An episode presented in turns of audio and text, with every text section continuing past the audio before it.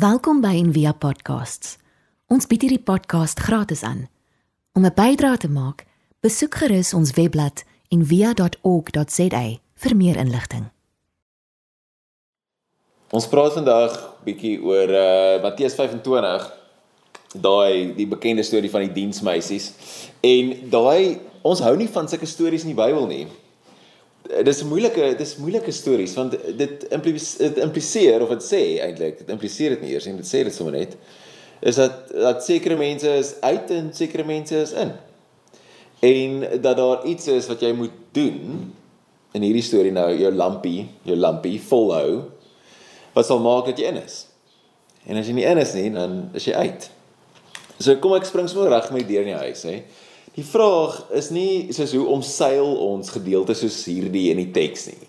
Jy weet ons hou almal van die mooi gedeeltes, die Jesus is lief vir my en dra my laste en gee my baie geld gedeeltes en gee my wat ek vra. Maar hierdie is moeilik. En dis eintlik wat soos die wonder van die leesrooster wat ons volg by Envia Kaapstad is dat baie keer kom maar 'n teks op 'n Sondag en dan dink ek, "Yes, hierdie is moeilik hoor. Dit gaan nou nie baie populêr wees nie. Ons gaan nie baie downloads kry nie. Mense gaan dit nie like nie. Niemand gaan geld gee nie. Kom ons los dit liewer en ons praat oor Psalm 23." en dan is alles nice. So wat nie 'n teks wat nie vir jou vertel net hoe fantasties en hoe oulik jy is nie, maar eerder wat soos 'n waarskuwing het wat iets sê oor jou verantwoordelikheid in hierdie hele storie. En daar's so 'n kind of 'n siening in die mensdom en in die kerk ook en val in so spiritual kringe en dit gaan iets soos dit. Dit sê almal is awesome. Dat diep binne in jou is jy perfek en reg en mooi en al wat jy moet doen is om dit te begin raak sien en dan volgens dit te leef en net bietjie jouself af te stof en mooi te poets en dan is jy reg. En dit is lekker en dit voel lekker om te hoor. Dit is lekker om te hoor. Jy is eintlik alright. Jy is goed. Maar ongelukkig is dit nie hierdie storie nie. En dis nie die stories van die diensmeisies of die maagde in hierdie storie ou vertaling. En dis ook nie die verhaal van die Bybel nie. En dis ook nie die evangelie nie. Dis is dis waar jy het die potensiaal om oulik te wees, verseker. En jy is in die beeld van God geskape, verseker, is dit die waarheid. En jy kan heilig en ongelooflik en awesome wees, maar jy kan ook verskriklik wees. Jy's net so in staat tot boosheid as goedheid. En as ons na die nuus in die laaste week of so gekyk het, dan weet jy dit, jy sien dit. Jy kan kies, hierdie kant of daai kant. So en almal glo, almal het hierdie geneigtheid om te glo, weet mense is net goed. Het jy mense is eintlik net goed. Mense is fundamenteel goed. Totdat jy 'n dag kinders het en daai klein kindjie kyk jou so in jou oë en sê myne. Of nee. Of ek sal nie. Dan kom jy agter die mens is goed en sleg gelyk. En die Bybel oor die algemeen vertel dat weet ons as mense is ons het hierdie keuse tussen goed en sleg, maar ons is kan of geneig meer na ons trek so half bietjie links. Weet ons is kan of meer geneig na boosheid toe en valsheid en selfsugtigheid. En dis hoekom ons 'n redder nodig het. So en dis wat hierdie verhaal oor praat ook. Daar's 'n keuse om te maak. Daar's 'n keuse om te maak hier. Die een skrywer het gesê die mees geestelike ding wat jy kan doen in jou hele lewe is om 'n keuse te maak. So vandag is 'n Nuwe Testament is Matteus 25. Die Ou Testament sê is Josua 24 is die teks waar Josua die toes, laaste toespraak aan die Israeliete doen. Dit is aan die einde van die boek en hy sit ook 'n keuse voor hulle neer.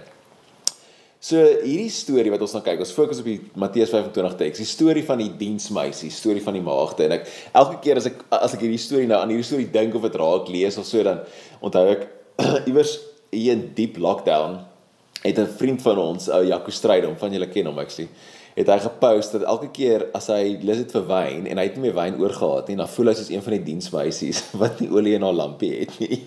Wat sê ek het nie gesorg nie, ek het nie beplan nie, ek het nie ekstra kan wyn gehad nie. Voel soos een van die diensmeisies. So, ehm, um, so wat gaan nie aan in hierdie storie, reg? So hier so 'n klein bietjie agtergrond en kulturele konteks oor troues en hoe troues gewerk het. So bruide was relatief jonk, enigiets van die ouderdom 12 af en op en mans was so klein bietjie ouer as hulle getrou het, so 16, dalk 18 daar rond. So die verloving het gewoonlik gebeur in die bruid se huis. So die man het na die bruid se huis toe gekom, na haar ouers toe en die verloving het daar gebeur. En dit kon gebeur het ook baie lank voordat sy 12 was. Ehm um, en dan stukkie die hele fees en met ritueel en al die goeders wat hulle doen. En daai kon uit lank voor die tyd gebeur het en dan het die bruidegom weggegaan en dan het hy eintlik vir haar net so op 'n kantlyn nooit, hierdie is vrek interessant. Het hy vir haar gesê of vir die familie gesê Ek gaan in my vader se huis, is daar baie wonings en ek gaan om vir jou plek gereed te maak. Nou sê so, oh, okay, ek ken daai line, dis wat Jesus gesê het vir sy disippels, want dis troutaal. So hy sê dit vir hulle bruid, maar in 'n geval, so dan gaan hy nou weg en hy gaan maak plek gereed en dit kan soos 'n paar jaar wees of dalk tot die die bruid gereed was om te trou. Met ander woorde, tot sy kon kinders kry, tot sy oud genoeg was. So dan op die dag van die troue gaan die bruidegom, so nou daar's sulke daar's movement in die storie. So die bruidegom gaan dan van sy huis af waar hy saam met sy ouers bly en dan gaan haal hy die bruid by haar ouers se huis en dan gaan hulle partykeer hou hulle partytjie daar en dan hou hulle 'n feesmaal daar by die bruid se ouers se huis en dan gaan hulle terug na die bruidegom se huis en dan hou hulle die troue en alles dan nou daar. So daar's hierdie movement. Dit gaan so heen en weer, is net al wat jy moet verstaan. So die die daar's beweging tussen soos hierdie twee families en hierdie twee huise. En ons weet nie eintlik in hierdie storie presies nou weet waar hierdie diensmeisies gewag het nie. Of hulle nou gewag het toe hy op pad is en of hulle nou op toe hulle gewag het toe hulle terugkom of wat ek maar dit maak nie saak nie. Hulle was iewers tussen die twee huise en hulle het gewag want hulle moes deel vorm van die van die procession, reg? So hulle wag saam en dan stap saam met hom dan dalk na die bruid se huis en dan gaan hulle en dan stap hulle weer al die pad terug of hulle is op pad na die ander kant toe. So maar die punt is hulle het almal saam gewag en toe in slaap geraak want hy het lank gevat. En toe hy uiteindelik kom, toe is helfte van hulle se olie klaar. So dit is interessant eintlik dat almal het aan die slaap geraak, maar net die helfte se olie was klaar. So die ander helfte wil toe of kan nie vir hulle leen nie. Hulle sê hoor jy ons kan nie ons in ons gee nie, vir hulle gee nie want ons het nie genoeg nie. So hulle sê hulle gaan soek iewers 'n winkel en gaan kloppie olieverkoper wakker in die middel van die nag en sê vir hom hoor jy braai soek olie. En ehm um, hulle gaan doen dit toe en as gevolg daarvan omdat hulle eers moes gaan koop het, is dit toe laat en die deure is toe. So hulle kom by die seker maar by die bruidegom se huis, so ek raai hulle kom aan en hulle sê die deure is toe en die bruidegom sê dan hierdie soos heavy rowwe woorde. Hy sê ek ken julle nie. Reg, nou wat bietjie weird is want dis tog sy diensmeisies. Dis die dis deel van die trougeselskap. Maar hy sê ek ken julle nie. Nou hierdie frase kry ons in ander plekke ook in die evangelies en daar's eh, van die teoloë of geskiedkundiges wat sê dat hierdie frase is eintlik dit gaan nie eintlik oor kennis nie. Dit gaan nie oor soos ek ken jou, weet ek ken jou, ek ken vir Jos en Shikara en vir Jaco, almal ken jy nie. Dit gaan oor wanneer 'n disipel na 'n rabbi toe gaan wat nie sy rabbi is nie en wil leer by daai rabbi of by daai leermeester. Dan is daar 'n line wat hulle gesê het wat eh, wat sê nou maar die rabbi se mense vir hom vir hom gesê het of vir die persoon gesê het wat aangekom het om nie om te eintlik te sê jy mag nie hier inkom nie. Jy mag nie by hierdie rabbi leer nie. Hier is nie jou skool nie. Hier is nie jou plek nie. En die line wat hulle vir daai mense gesê het is ek ken julle nie. Dan oor dis 'n manier om te sê jy mag nie by hierdie rabbi leer nie. So daai deel is soos key in die hele teks. Ek ken julle nie. En dan daarna dan volg die waarskuwing of die aanmoediging dan vir die Matteus gemeenskap wat sê waak dan omdat jy weet nie op watter dag en uur dit sal gebeur nie. So dis ons storie. Nou, gelykenisse is hoogs simbolies. Jy moet altyd die karakters eintlik probeer inpas by die eerste gehoor of die lesers en ook by ons. Met ander woorde, wie wie verteenwoordig wat? Soos wie is wie is die diensmeisies? Wie is wie is die bruid? Wie is die bruidegom? Ehm um, wat is die lampie? Wat is binne in die lampie? So in hierdie storie is die slaap, party mense sê die slaap is die dood en toe hulle nou wakker word uit die dood uit, nou in die hiernamaals te kom hulle agter wie olie en wie nie olie nie.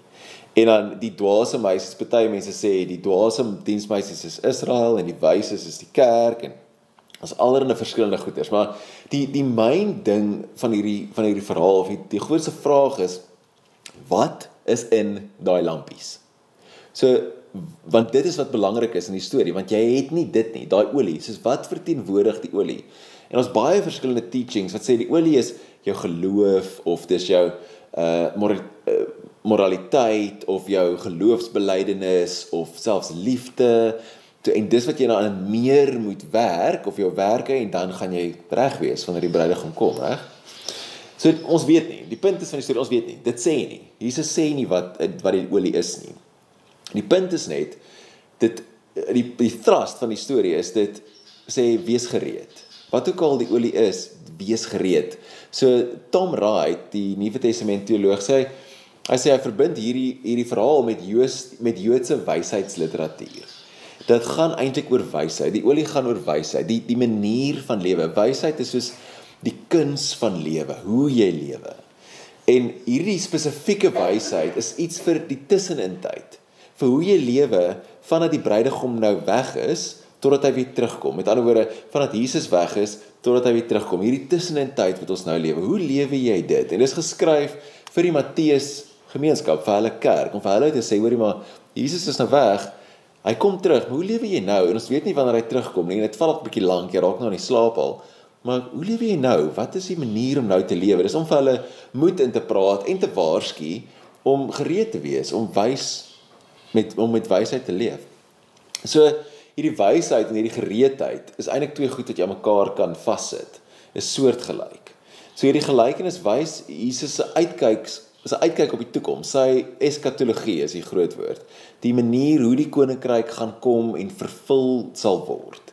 Dat hierdie storie is besig om vorentoe te loop. Daar dit is nie klaar nie.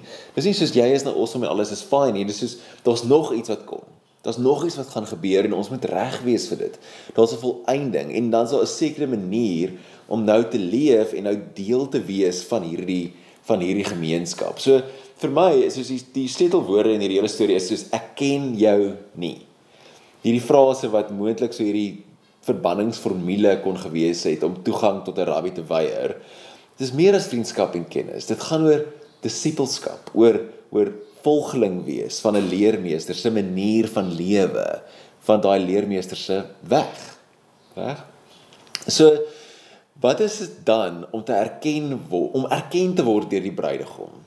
Deur die een wat die Here genoem word. Ons onthou soos beide groepe noem die bruidegom Here Here in die storie.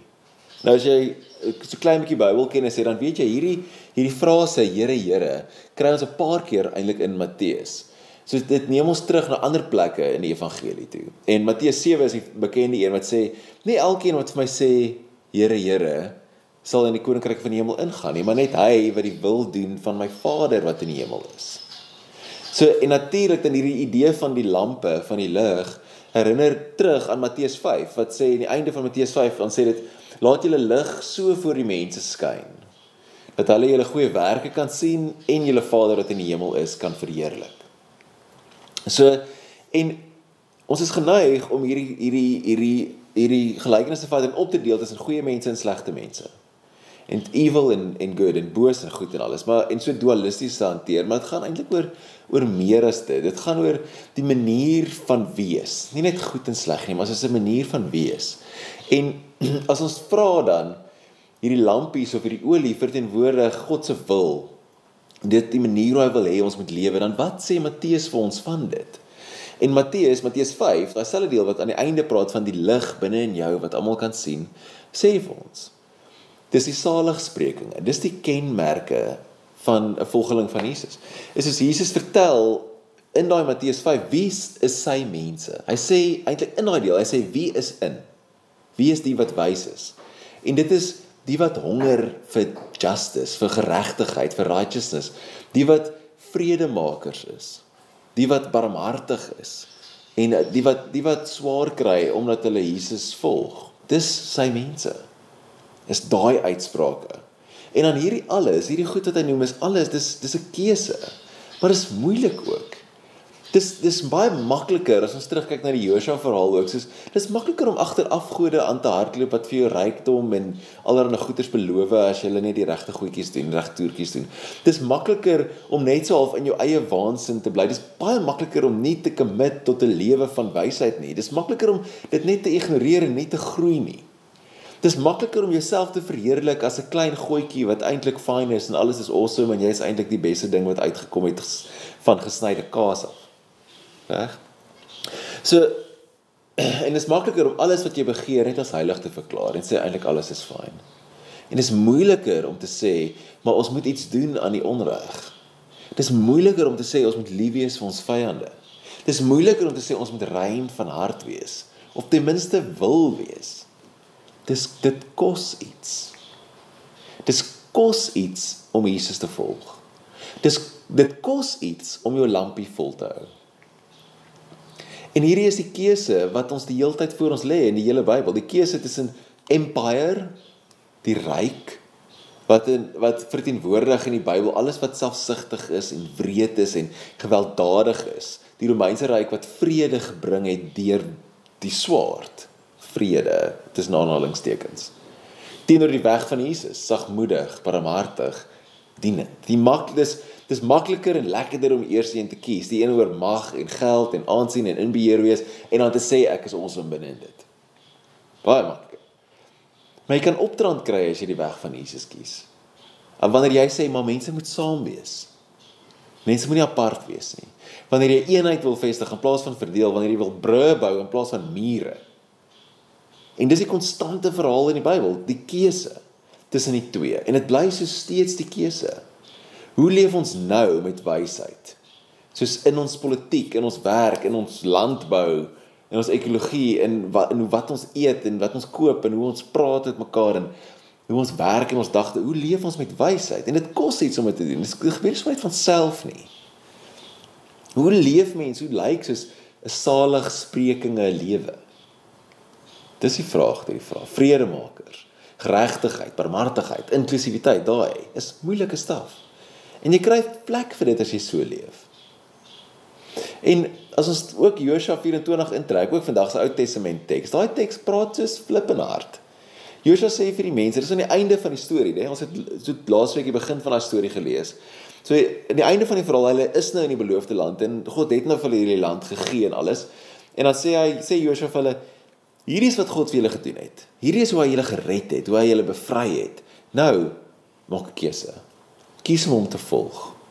En dan sê hy vir hulle, hy sê julle kan die julle julle kan nie die die Here dien nie. Hy is 'n heilige God.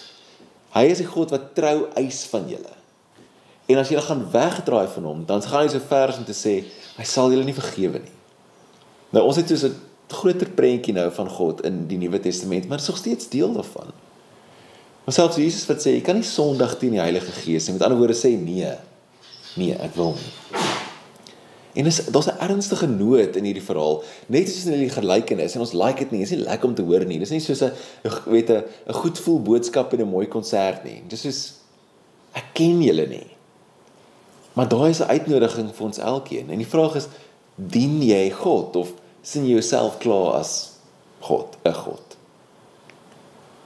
Wat begeer jy? En kan jy soos kan ons as gemeenskap as en weer opreg ons begeerte om God te dien so neersit en sê maar ons wil ek wil ons wil die prys betaal. Jy kan nie net aanhou lewe hoe jy lewe en verwag jy gaan 'n goeie lewe hê nie. Daar's so dit maak jy jy kan nie sê ek hou net aan hierdie manier leef en dan hoop ek God bless maar net alles wat ek doen nie. Om te kies en te sê maar ek wil die weg van Jesus leef. Ek wil daai manier leef. Ek wil in God se wil leef in die saligsprekinge lewe. Ek wil so wees, so leef. Want daai lewe lei na die lewe. Maar dit kos iets.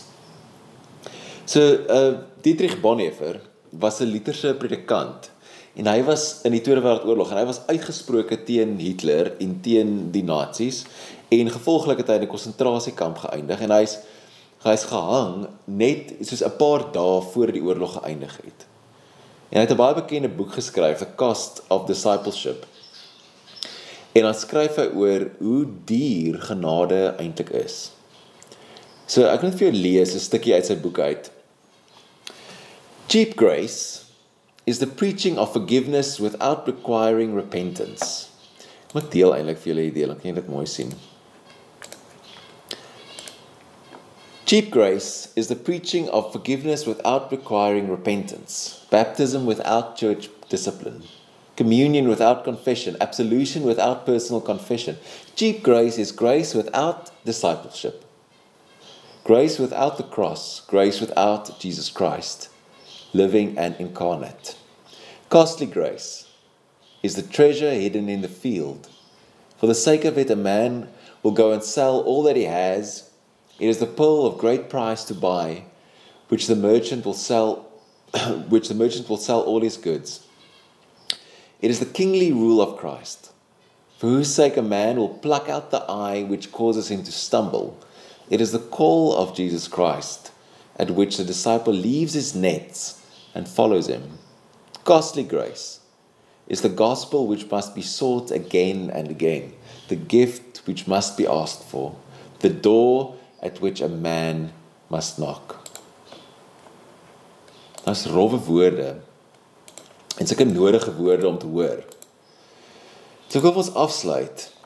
Want binne in hierdie is daar ook iets moois in in Josua 24 in daai harde woorde wat hy sê.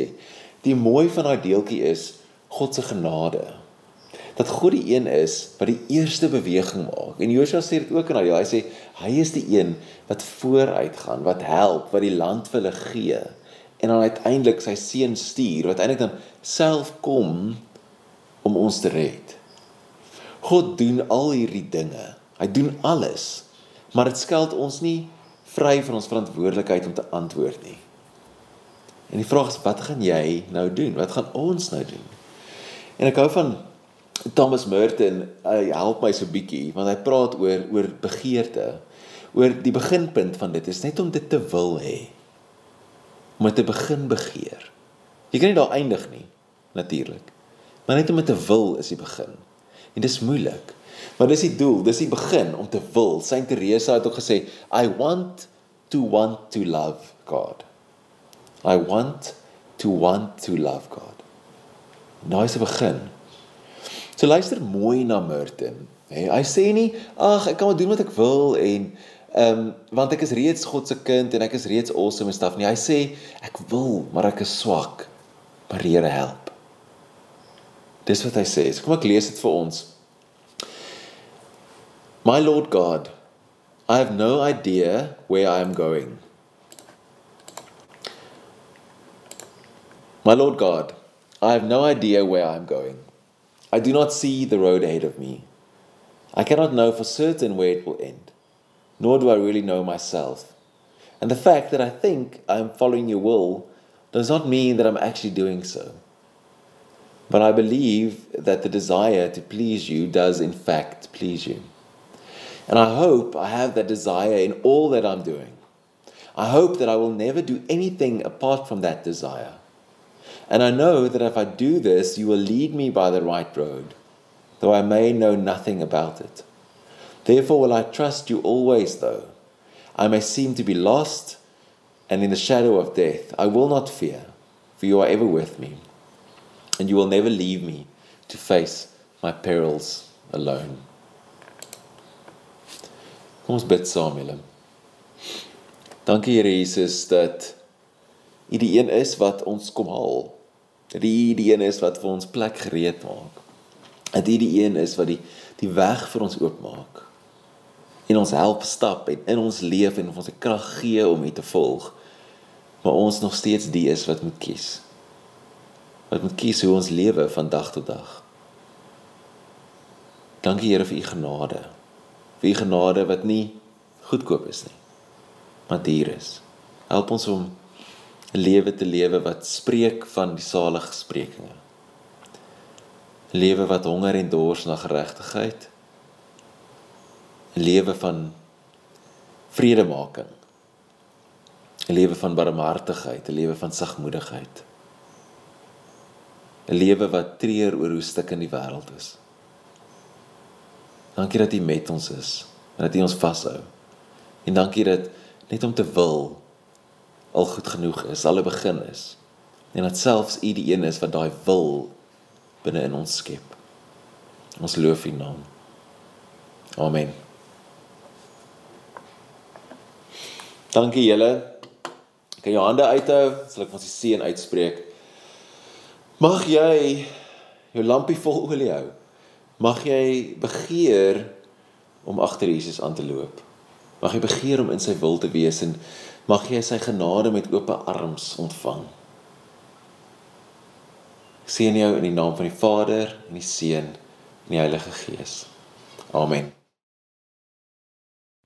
Ons hoop van harte jy het hierdie podcast geniet of raadsaam gevind. Besoek gerus en via.ok.za vir meer inligting.